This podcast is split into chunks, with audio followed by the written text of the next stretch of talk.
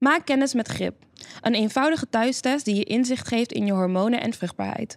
Of je nu een planner bent, een kind probeert te krijgen of gewoon nieuwsgierig bent naar je hormonale gezondheid, de GRIP-test helpt je de antwoorden te vinden. GRIP is een door vrouwen voor vrouwen bedrijf uit Nederland. Je kan testen door heel Nederland en sinds kort ook in Engeland. Ik heb echt, zeg maar, mannen gehad die echt bijna op de vuist wouden gaan over het feit dat ik niet, dat ik gewoon, zeg maar, zei van ik ga niet kiezen wat mijn identiteit is. Ik ben dit en dit. Ja. Waarom zou ik moeten kiezen? Welkom op Vrouwentoilet.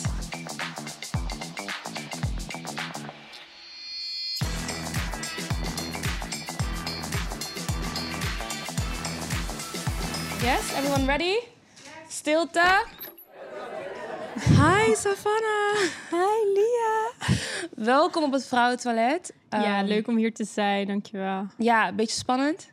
Ja, ik ben wel een beetje zenuwachtig. Don't be, don't be. Het vrouwentoilet is altijd een veilige plek. Ehm, wij hebben elkaar recent ontmoet eigenlijk. En toen hadden we best wel snel een heel heftig gesprek. Namelijk over eh, ja, gemixt zijn qua afkomst, weet je. En ook een, daardoor ook eigenlijk een beetje struggelen met je identiteit. Zowel cultureel als zeg maar daadwerkelijk ehm, waar je bent en, en waar je tegenaan loopt. Ook maatschappelijk. Ehm, Klopt. Jij hebt een verhaal geschreven daarover. Ja, klopt. En dat werd goed ontvangen. Vertel me daar wat meer over. Ehm, nou, ik ben eh, half Marokkaans, half Nederlands. Mhm. En ja, ik merk toch wel dat er altijd issues zijn op het moment dat je mixed bent. Maakt niet zoveel uit wat precies je roots zijn, maar Mhm. het lijkt net alsof je niet geaccepteerd wordt in de community. Ehm, en ik heb anderhalf jaar in Spanje gewoond om dat verder uit te zoeken, omdat ik altijd al in een identiteitscrisis heb gezeten. Mhm. Ehm, en in Spanje ben ik er eigenlijk achter gekomen ehm, dat je helemaal geen keuze hoeft te maken tussen wat jij precies bent. En dat, het, dat, dat je niet in een hokje geplaatst hoeft te worden, want je bent gewoon wie je bent. Je hebt twee roots door je lichaam stromen. Mhm. En dat moet je gewoon ownen, because that makes you you. Ja. Ehm, en toen ik in Spanje woonde, kwam ik daar dus achter. En wou ik daar eh, ja, een verhaal over schrijven. Omdat ik denk dat meer mensen zich hierin kunnen vinden. En dat was ook zo. Ja, ik kreeg super veel positieve reacties. Ook van mensen die ik eh, normaal niet spreek. Of mensen met wie ik echt jaren geleden op school heb gezeten. Met wie ik nog nooit een woord heb uitgewisseld. Ja. Ook berichten gehad. ehm, ja, dat dit eigenlijk toch wel een probleem is waar niet over gesproken moet worden. Ik denk dat we zo erg gefocust zijn op of-of. Ja. Maar wat als je in alle twee valt? Lijkt net of je dan niet de kans hebt of de mogelijkheid hebt om te kiezen. Want eh, bij, in mijn geval is het bijvoorbeeld... Ik ben dan half Marokkaans, half Nederlands. Mhm. Maar mijn moeder is Marokkaans en mijn vader Nederlands. Wat Ja. al dan een ding is, Ja. schijnbaar. Ehm, en mijn Nederlandse familie, dat zijn echt... Ja, Rotterdammers, die Nederlandse Rotterdammers van vroeger.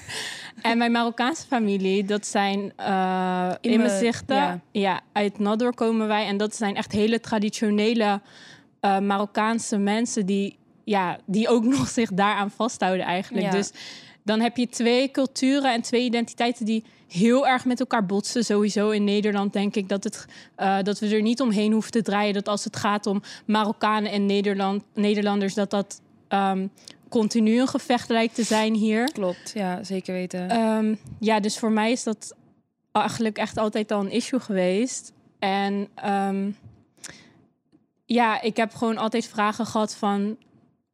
Wat voel jij je meer? Wat ben jij meer? Ja, of want- je moet kiezen. En ik, ik heb zelfs gehad dat ehm, daar hele heftige ruzies soms zijn ontstaan. Of, of dat mensen gewelddadig werden over het feit dat ik zei... Ik weet niet wat ik zou moeten kiezen. Ik heb beide culturen meegekregen. En ik heb gelukkig met beide ouders een hele goede band. ja, Ehm, dus ik voel niet dat ik moet kiezen. En, en mensen worden dan gewoon gewelddadig. En ik denk dat dat komt omdat ze dan niet jou in het hokje kunnen plaatsen... wat het systeem voor ons heeft gecreëerd. Ja. En op het moment dat je er niet buiten, maar eigenlijk tussen valt... dan... Ja, het lijkt net alsof, alsof dan je stem wordt weggenomen. Want volgens de Marokkaanse community is het dan van... oké, maar je hebt niet veel te klagen, want... eh, je, je, bent je hebt een Nederlandse achternaam en, Ja. en je lijkt niet Marokkaans. En, Ja. eh, dus, dus wat is nou eigenlijk het probleem? Wat, wat is nou eigenlijk, waar Terwijl in zit je nou een eigenlijk mee? omgeving ben je juist weer heel erg Marokkaans, toch? Ja, en dan is inderdaad word je ook niet begrepen. Dan is het weer van, dan krijg je weer vragen van, oh, oh, je bent Marokkaans. Oh, hmm, oké. Moet je geen nou, hoofddoek en Ja, dat soort dingen. Ja, ik, je krijgt echt de meest domme vragen. Ik heb zelfs mensen die aan me vroegen, maar ben je dan ook half moslim? Zeg maar, like, really? Is, ik ga toch ook niet aan jou vragen? sound effects. I mean, bestaat dat überhaupt? Ga- je gaat toch ook Want niet aan jouw vader vragen? is ook bekeerd, toch? Ja, mijn vader Ja. is bekeerd voordat hij al met mijn moeder trouwde. Ja. En eh, ik ben. Ik, denk dat waar mijn geluk wel in zit, is dat ik altijd vrij ben opgevoed. Dus ik heb Mhm. altijd de mogelijkheid gehad om te kiezen. Ja. Ehm, wat ook tegelijkertijd moeilijk was, mijn moeder heeft mij nooit echt eh, de Marokkaanse cultuur meegegeven. Ik ken het wel, Ja. maar ik zag bijvoorbeeld mijn familie één, twee keer per jaar. Ja. Dus ik, ik ken ze ook niet. Ik weet wie ze zijn, maar ik heb niet een band met hen. Er is geen familieband. Ja. Maar precies hetzelfde geldt voor mijn Nederlandse familie. Ik, ik voel ook geen eh, connectie met hun of een band met hun. En ik denk dat ik de meeste niet eens ken. ja. Ehm, waardoor het ook is van. Ik weet nog dat als ik dan een klein meisje was en ik, en ik ging bijvoorbeeld bij mijn oma op bezoek.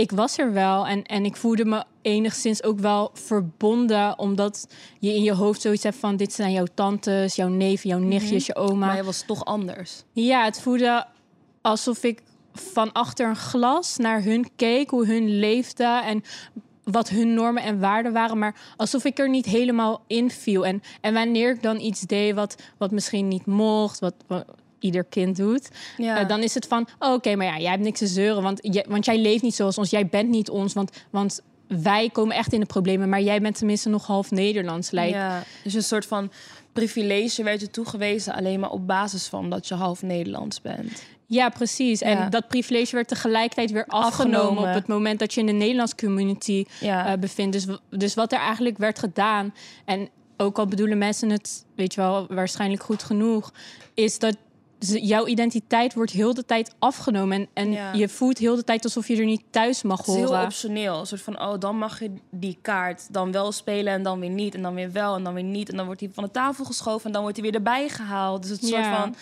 En ik snap dat heel goed, want ik ben bijvoorbeeld half Nederlands, half Surinaams.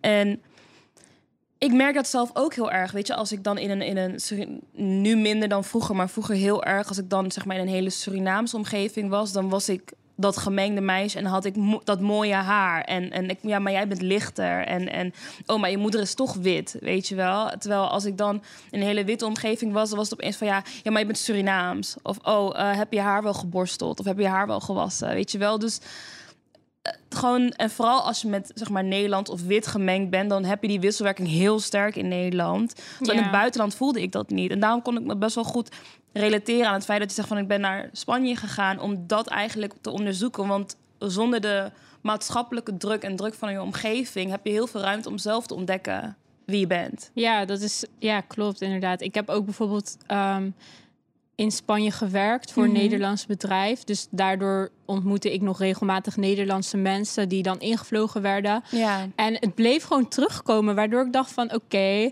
dus I moved. Maar het, het- ik kreeg echt een bevestiging. Die verwachting echt van. ja, ik kreeg echt een. Ik heb echt zeg maar mannen gehad die echt bijna op de vuist wouden gaan over het feit dat ik niet, dat ik gewoon zeg maar zei van ik ga niet kiezen wat mijn identiteit is. Ik ben dit en dit. Ja. Waarom zou ik moeten kiezen? Zeg maar, wat heb je daaraan? Ja. En waarom? Je vraagt indirect ook aan mij kies tussen je vader en moeder. Mm. En het is gewoon, ik heb met beiden een hele goede band. Dus waarom zou ik moeten kiezen? Waarom moet ik of Nederlands ownen of Marokkaans ownen? En als ik dat doe, om vervolgens erachter te komen dat ik nog steeds niet geaccepteerd word. En waarom krijg ik de meest absurde vragen? Al- Ik ben bijvoorbeeld. Ja, heel erg schaamteloos ook heel vaak. Dat je zeg maar best wel, nou niet, ja, vragen die uiteindelijk toch best wel persoonlijk zijn, weet je wel. Ja. Wat je band is met je ouders, of, of je wel of niet de taal spreekt, of je wel of niet de cultuur kent, of je e- ooit naar een van de landen bent geweest. of zo. Het is zo Ja. bizar hoe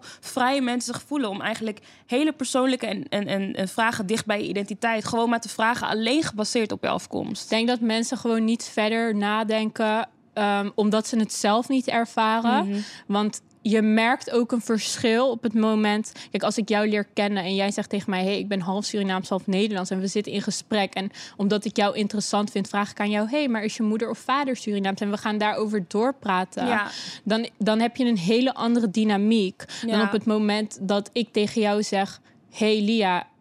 Zeker is je vader Surinaams. ja. Weet je wel, je ziet je vader zeker niet meer in je Het gaat leven. ook om een soort van statusding eigenlijk. Ja, weet je wel. want ik krijg gewoon vragen als van bijvoorbeeld, eh, ik ben islamitisch en, en ik krijg gewoon serieus in de Ramadan, wanneer we, wanneer we het allemaal soms moeilijk hebben, gewoon van mensen die tegen mij zeggen van, eh, ja, maar ga gewoon eten, want wat boeit het eigenlijk? Je bent toch eh, Nederlands, toch? Dus wat is eigenlijk het probleem? En sinds when heeft een religie te maken met waar jij vandaan komt? Maar zeg mensen kunnen dat niet. onzin. Ik denk dat het ook best wel een heel erg Nederlands ding is. Ook door de manier waarop het in, in de media wordt neergezet. Dat mensen die twee dingen niet meer los van elkaar kunnen zien. Een soort van, je bent eh, islamitisch, zeg maar, je bent moslim. En dan hebben we het over Turken, Marokkanen en whatever, alles wat daarin valt. Maar als het hebt over echt maar de Marokkaanse identiteit of de islamitische identiteit, dan worden die twee dingen niet los van elkaar gezien. Het is altijd een soort van pakketje. ja. Terwijl er zijn ook bijvoorbeeld Marokkanen die niet islamitisch zijn. Ja, ik denk dat dat, eh, dat dat is dan een heel ander onderwerp. Ja. Maar inderdaad, het is ook heel lastig als ik bijvoorbeeld moet kijken naar mijn eh, eigen geschiedenis, waar ik dus wel onderzoek naar heb gedaan. Eh, dan ga ik vooral naar, over de Marokkaanse kant praten. Dan is het wel zo dat de islam werd later pas geïntroduceerd door de Arabieren. Ja. En dat is niet vrijwillig gegaan. Dat is ons afgedwongen. Wij, wij hebben nooit een vrijwillige keuze gehad of wij, eh, of wij islamitisch gingen worden, ja of nee. Nee. Kijk, ik praat nu over zoveel jaren terug. Ja. Wij weten niet beter. Ja. Maar een heel groot stuk van onze cultuur is daardoor verloren. Ik bedoel, van, van nature zijn wij heel spiritueel. Wij zijn, wij zijn zonaanbidders, Ja. inderdaad. En dat komt ook voor in onze naam. En ehm, je, je merkt ook dat, omdat dat ons is afgenomen, vooral bij, eh bij inzichten dan, ja. ehm, merk je dat, dat er bepaalde dingen zijn wat verstrengeld is geraakt met het geloof en met de cultuur. Waarom? Omdat wij nooit een vrijwillige keuze hebben gehad om het geloof te volgen. Dus dingen die er gebeurden, was dat ze stiekem dingetjes van de cultuur gingen doorpassen naar ons. ja. Terwijl dat volgens het geloof eigenlijk niet mag. Maar wij weten niet beter, want dat is wat je meekrijgt uit opvoeding. Ja. Nou, ook als je met iemand gaat praten die bekeerd is. Er zijn heel veel Nederlanders die bekeerd zijn naar de islam. Die weten 9 van 10 keer veel meer dan bijvoorbeeld ik. Of iemand Ja. die het vanuit huis heeft meegekregen. Ja. Ehm, en heel veel mensen weten ook niet dat iets meer cultureel gebonden is in plaats van het geloof zelf. En ik denk dat je daardoor, dat ik daardoor in mijn geval nog meer verstrengeld raak. Want op het, je gaat op een gegeven moment ontplooien waar je vandaan komt. Je wilt meer weten. Nou, je ouders kunnen je niet alles meegeven. Ja. Of je ouders hebben ook bepaalde trauma's. Wat, ehm, wat te moeilijk is om over te praten. Ja. Especially, you know, when you're their daughter. ja. Ehm, dus uiteindelijk moet je het allemaal zelf doen. En, en ik heb daar dan wel de mogelijkheid in gekregen, gelukkig. Maar ik merk dat tot op de dag van vandaag ik nog steeds struggle met. Ik, ik merk dat ik nu er boos om word wanneer. Ik heb bijvoorbeeld recent nog gehad dat, dat mensen tegen mij zeiden van. ehm, maar is je vader of moeder Marokkaans? En dat ik dan zei mijn moeder. En, en dat er gewoon me echt doodserieus in de ogen gekeken werd van... ja, maar dan ben je geen Marokkaan. Ja, ja En- want dat, dat, daar hadden we het inderdaad nog over. En ja. ik denk dat het vooral lastig is omdat jij heel veel onderzoek zelf doet, zeg maar, naar jou- jouw ident- identiteit en jouw, jouw, vooral jouw inzichtkant, zeg maar, weet je, wat, wat het allemaal... En daarom weet je er ook best wel veel over. Maar ik denk dat je daardoor ook soort van hyperbewust bent van die tweestrijd. Van eh, eh, eh, de, wat je zegt, de soort van sociale hiërarchie. Van als je vader Marokkaans is, dan is het anders. Of als je moeder Marokkaans is, anders. En, en in hoeverre jij jouw eh, identiteit dan in het Marokkaans zijn, zeg maar, oont of laat zien. Er zit een soort van hiërarchie in. En dat is eigenlijk heel bizar. Want het zou niet moeten uitmaken eigenlijk. Nee, het zou inderdaad niet moeten uitmaken. Het is ook echt bizar. En ik denk ook dat het soms heel ver gaat. Ik bedoel, ik maak hier heel vaak grapjes over. Maar wanneer ik naar Marokko ga en ik ben niet met mijn ouders, ehm, dan lieg ik ook over mijn afkomst. Ja. Want, want ik zeg dat ik dan half Spaans ben. Ja. Omdat ik niet de taal spreek. En omdat ik weet dat daar zoveel boosheid uit van, uit, eh, vandaan komt vanuit Marokko. En Ja. dat, ik heb ook best wel vaak gehad dat mijn moeder uit is gescholden door wildvreemden. Omdat zij mij niet de taal heeft geleerd. Terwijl daar zit ook een heel verhaal achter. En Ja. wie ben jij om zo over mijn moeder tegen mij te praten? Maar tegelijkertijd ben ik in een land waar ik niet de mogelijkheid heb om mijn stem te laten horen. Want ik snij mezelf dan alleen maar meer de in de vingers, vingers. Dus ik moet het maar slikken. Dus is het het makkelijkst om dan maar te zeggen: you know what? I lived in Spain. Ik kan Spaans praten. Ja. Ik ben half Spaans, half Nederlands. you know what? That's the easy way out, ja, right? maar dat, dat is eigenlijk ja, heel verdriet, verdrietig om zeg maar te moeten doen. Want je moet Ja. jezelf soort van wegstoppen. I- Bijvoorbeeld in Marokko, maar ook bijvoorbeeld hier. Om eigenlijk alleen maar conflict te voorkomen. Of om te voorkomen dat mensen een bepaalde mening over jou vellen. En ik, ik, ik merkte dit heel erg vooral op school. Dat ik echt zoiets had van, oh, mensen kijken op mij neer. Of zetten me juist heel erg op een voetstuk. Omdat ik dan lichter ben. Of omdat ik gemengd ben. En ik weet nog, oh my god. Een van mijn eerste baantjes noemde mijn manager mij zijn exotische verrassing. oh, wow. En dan ben je Ja. 14 of zo, of 15 jaar. En dan noemt iemand je, gewoon een volwassen witte man noemt jou zijn exotische verrassing. Ja. Weet je? En dan denk ik echt, waarom was dat ooit normaal? En waarom... Het erge is nog dat, dat het ook normaal is. Ja, jij, het is jij normaal. weet niet beter. Jij vindt dat inderdaad ook normaal. Of ik denk ook dat ik op latere leeftijd erachter kwam hoe diep dit trauma eigenlijk zit en, en hoeveel problemen ik hier eigenlijk mee ervaar. Ja. Ik denk dat ik daar voorheen nooit echt bij stil heb gestaan, omdat ik niet beter wist. En sterker nog, er wordt niet over gesproken. Want het lijkt net alsof jouw problemen niet groot genoeg zijn. Als je bijvoorbeeld gaat kijken naar iemand die volbloed Marokkaans is. Mhm. Ehm, die ervaart hele andere problemen in de community. Als je gaat kijken naar waar hij zijn of haar plaats is. Ja. Als je gaat kijken naar hoe diegene aan de baan komt. Et cetera, Ja. et cetera. Als je daarnaar gaat kijken, dan he- heeft diegene hele andere problemen. Maar het lijkt net alsof, alsof ik dan geen problemen mag hebben. Alsof, alsof mijn problemen niet groot genoeg zijn of niet hetzelfde zijn. Terwijl je kan die twee issues niet met elkaar vergelijken. Ik vind het heel erg dat mensen op basis van ras, kleur, geloofsovertuiging, Naam, gender, ja. geen baan krijgen. Of terwijl ze wel alle je weet, alles in bezit hebben om Ja. die baan te kunnen krijgen. Ik, ik vind dat heel erg en ik maak me daar ook zeker sterk voor. Maar Dat, dat, is een neemt beetje niet weg dat intersectionele eigenlijk, weet je. De verschillende identiteiten erkennen en te laten, en laten merken van... eh, al die identiteiten hebben hun eigen problemen, maar er, zijn, er is ook overlap uiteindelijk. ja, Ehm, wat, wat ik me eigenlijk een beetje afvraag is dat... heb jij het idee dat... Eigenlijk dat je er zeg maar niet mag zijn. Want dat idee heb ik heel lang gehad. Van dat zeg maar het gemixt zijn. Dus mijn moeder is Nederlands en mijn vader is Surinaams. Dat is eigenlijk niet de bedoeling. En het is wel gebeurd. En dat is een soort van per ongeluk, om het zo te zeggen. En omdat het dus per ongeluk is, mag je er niet zijn. En daarom zijn de dingen waar jij tegenaan loopt ook niet valide eigenlijk. Dus die problemen die jij hebt, die mogen er sowieso al niet zijn. Dus je mag er al helemaal niet over klagen.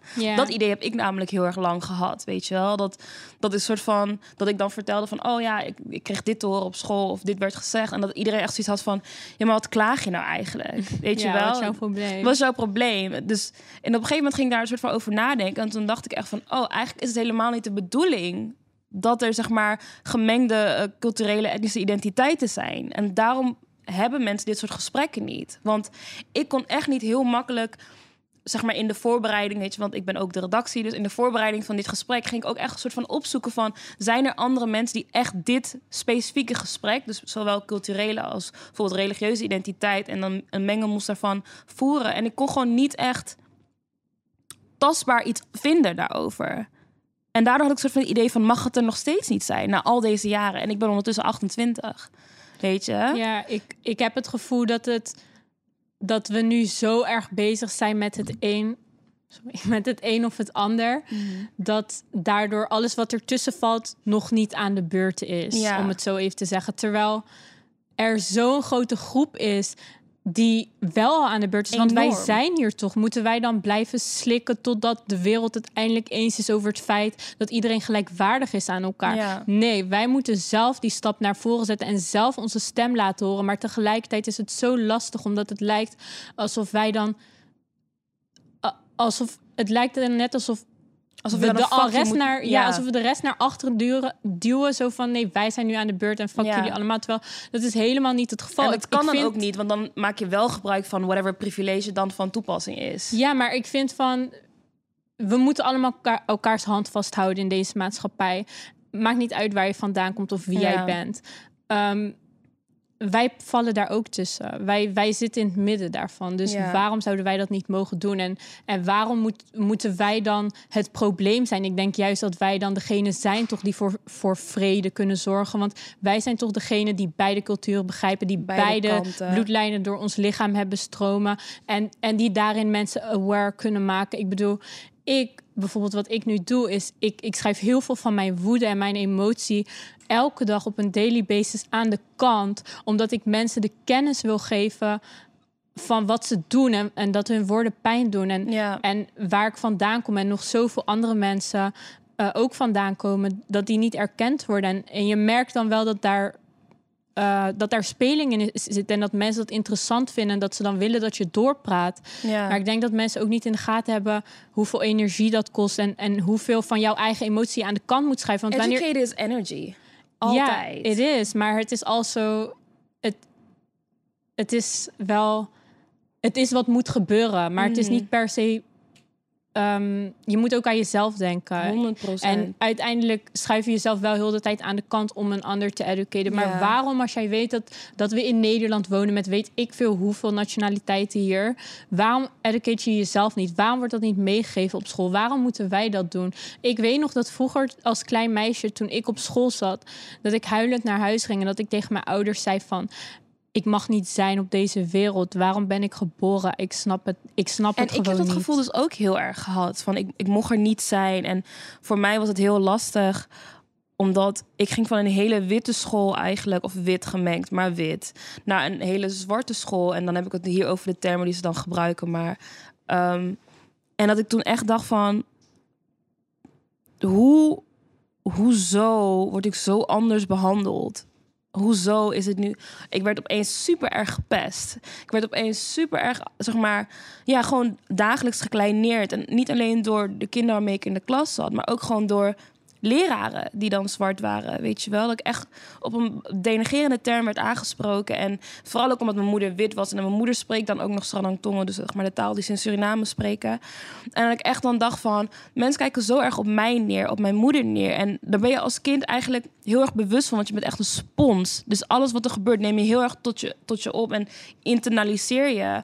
En ik heb daardoor heel lang met het gevoel gelopen van ik zocht gewoon overal validatie in wat ik deed. Dus mijn hele adolescentie was gewoon alleen maar validatie zoeken van eh, eh, de, de jongetjes en, en ook meisjes waar ik verliefd op werd. En, en, en de mensen waarmee ik omging. En, en bij familie en bij vrienden en mijn omgeving, een community waar ik ging sporten. Gewoon overal zocht ik validatie, omdat ik altijd dat gevoel zo erg had geïnternaliseerd. Ik mag er niet zijn. Weet je, mijn moeder ging altijd vroeger mijn haar vlechten.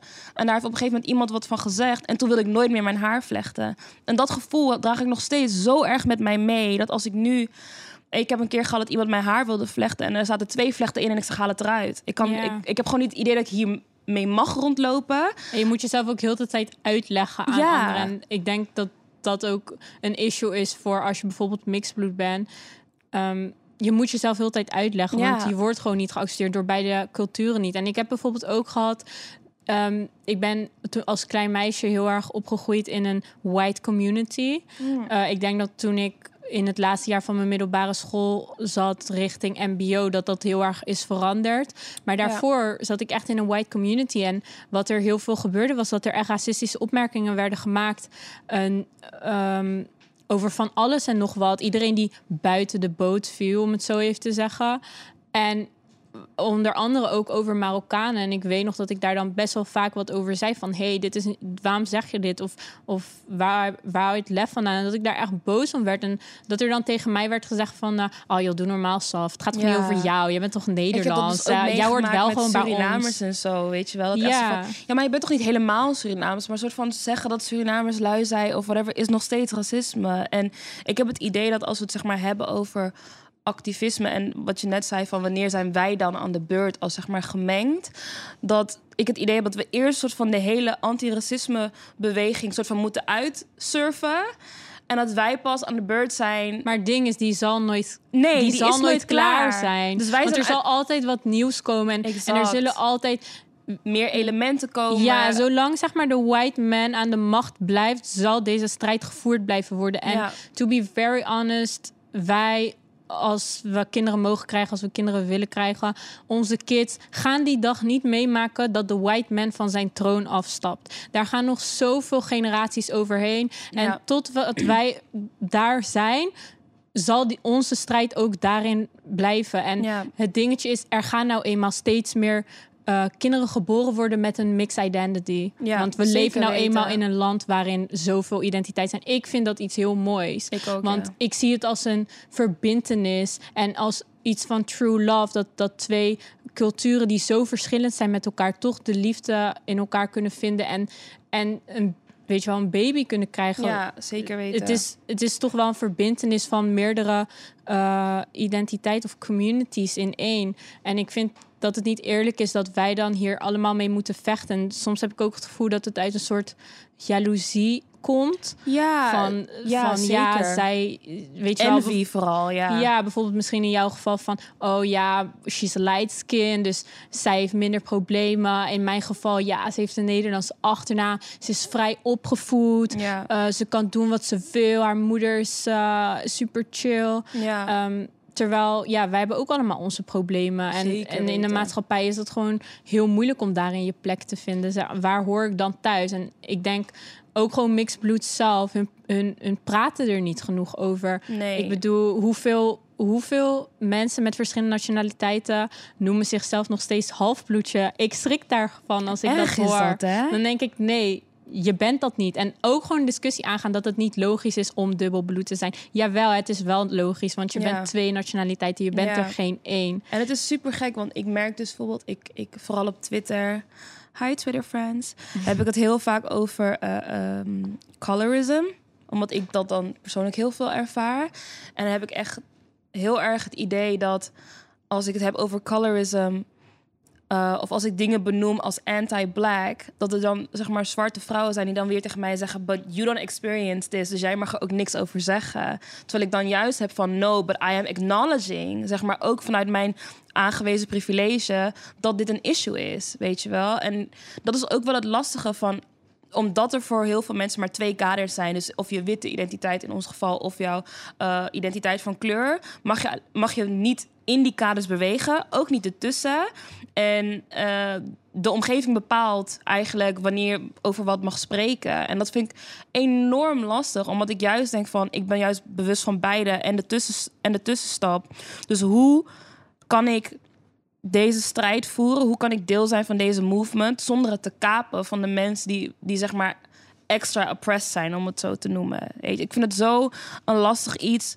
En ik probeer me altijd soort van daarin te bewegen als een soort van slangetje en te, te duiken als iemand weer stenen naar mij toe gooit. Maar Maar weet je hoe het voelt? Het voelt alsof je op een, alsof je op een weiland loopt vol met explosieven die elk moment Ja. af kunnen gaan. En, Ja. en je probeert er doorheen te lopen en, en je probeert te, eh, de juiste richting op te gaan. En je probeert mensen te helpen en je probeert mensen kennis te geven. Maar ja, je kan zomaar een keer op, op weet je wel, op iets gaan dan heb je staan een en dan misstap en dan Ja. ben je een soort van klaar en dan wil niemand Ja. meer iets met je te maken hebben of dan ben je toch dat witte meisje of dat toch dat Marokkaanse meisje depending on the situation. Ja, en ik denk in mijn geval dat dat gewoon heel veel emoties oproept. En dat ik daar tot op de dag van vandaag nog steeds niet erkenning voor krijg. Het is dat ik nu ouder ben en mezelf verder heb ontwikkeld. Mhm. en, en dat ik kan spreken over beide identiteiten. En dat ik kan zeggen, ik ben alle twee, no matter what the fuck you wanna say. I am both. I don't give a fuck. en dat er zoveel mensen zijn, ook in mijn omgeving, met verschillende nationaliteiten. En dat je daarin weer je community kan Ja, vormen. en ook je kracht en, en, Ja, en, dat je en daarin dat je kracht- erkenning en Ja. validatie zeker weten. Ja, ik denk, ja, ik denk dat de, het stukje validatie, dat ik dat niet meer zoek. Ik heb dat wel Mm. inderdaad heel lang gehad, wat jij ook net aangaf. Ja, Maar nu heb ik zoiets van, nee, dit komt gewoon uit mezelf. En ik zeg het gewoon met trots. Er zijn heel veel mensen die dan zeggen van... ah, ja, maar je bent gewoon Marokkaans voor mij. Want, want dan pas je meer in het, in het in stukje het van... straatje, ja. Of dan pas je meer in een stukje van... ehm, als je, hoe ze het hier in Nederland zeggen, van black community, white community. En dan Ja. in black community vallen natuurlijk Marokkanen, islamieten, et cetera, dan ook even onder. Ja, ehm, dan is het gewoon heel makkelijk om te zeggen: nee, maar je bent gewoon Marokkaans. Want dan val je daaronder en dan kan je meepraten. Of, of het stukje van: ah nee, maar voor ons ben je gewoon Nederlands. Want, Nederlands. want, dan, want dan kan je meedoen met whatever their issue is. Ja, ik, En- ik, ik zeg heel vaak dat kaders zijn zeg maar zowel goed als slecht. Want kaders he- helpen je, en ook aannames, vooroordelen, et cetera, helpen je soort van om in te schatten hoe je met mensen omgaat. En het Ja, is daarin een, een hulpmiddel, zeg maar. Ja, het is je intuïtie, maar ik denk Ja. niet dat je er. ehm, dat je iemand ook zo moet behandelen. Nee, ik bedoel, ik denk dat van iedereen die hier zit, dat jij dat het beste kan weten. Stel je voor dat iedereen jou zou behandelen als hoe ze jou hebben gezien op tv. dat is misschien niet de persoon die jij bent. Dat is niet eerlijk. En Ja. het kan inderdaad jouw intuïtie die, zijn die zegt van, yo, deze chick, dit en dit en dit. Maar dat betekent niet dat jij iemand ook zo hoeft hoeft te behandelen. Je kan alsnog het gesprek aangaan en vragen waar iemand vandaan komt. Want er zit nog Ja. zoveel meer achter. En je moet heel de tijd je grijns ophouden wanneer iemand zegt, je bent geen Marokkaan, want je spreekt de taal niet. Je moet heel de tijd slikken wanneer weer iemand zegt van je vader is zeker niet meer in je leven. Of ehm, eh, ja, je leeft, super vrij, je leeft een super vrij leven, je hebt niks te klagen. Ja. Of wat ben jij meer? Je moet kiezen. Kies gewoon, kies gewoon, kies gewoon. Tot het moment dat je echt op het punt staat van breek. Van hoe bedoel je, ik moet kiezen. Ja. Het stukje dat je moet liegen om waar je vandaan komt. Op Het moment dat ik bijvoorbeeld naar Marokko ga. Ja, het, het is gewoon inderdaad, het is gewoon niet oké. En ja, ik vind gewoon dat daar verandering in moet komen. En daarom zit ik hier ook. Ik hoop gewoon dat, dat er heel veel. Ik weet dat er heel veel mensen zijn die zich hierin kunnen vinden. Want die bevestiging heb ik al eerder gehad nadat ik dat verhaal heb geschreven. En Ja. ik hoop gewoon dat er meer mensen zijn die de kracht vinden om hierover te praten. Want ik Ja. weet dat er zoveel meer mensen zijn die hiermee zitten. En dat er. Ik denk dat we ook, ook zo veel meer van elkaar kunnen leren. 100 procent. En dat is inderdaad ook waarom ik jou hier wilde hebben op het vrouwentoilet. En ik denk dat wij een super, ja, eigenlijk een heftig gesprek, omdat het voor ons heel dichtbij zit qua identiteit. Maar een heel erg informatief gesprek, omdat we gewoon heel veel dingen konden ontleden. Dus, Savannah, dankjewel. Bedankt voor je tijd. Ik weet dat het ook be- best wel spannend was, ook een beetje moeilijk natuurlijk. Ja. Ehm, maar vergeet je handen niet te wassen. Ga ik zo meteen gelijk doen. Ja. En dan zie ik je misschien de volgende keer weer of op Instagram of ergens anders. Yes, lijkt me leuk. Dankjewel Thank voor de so much. uitnodiging. Ja.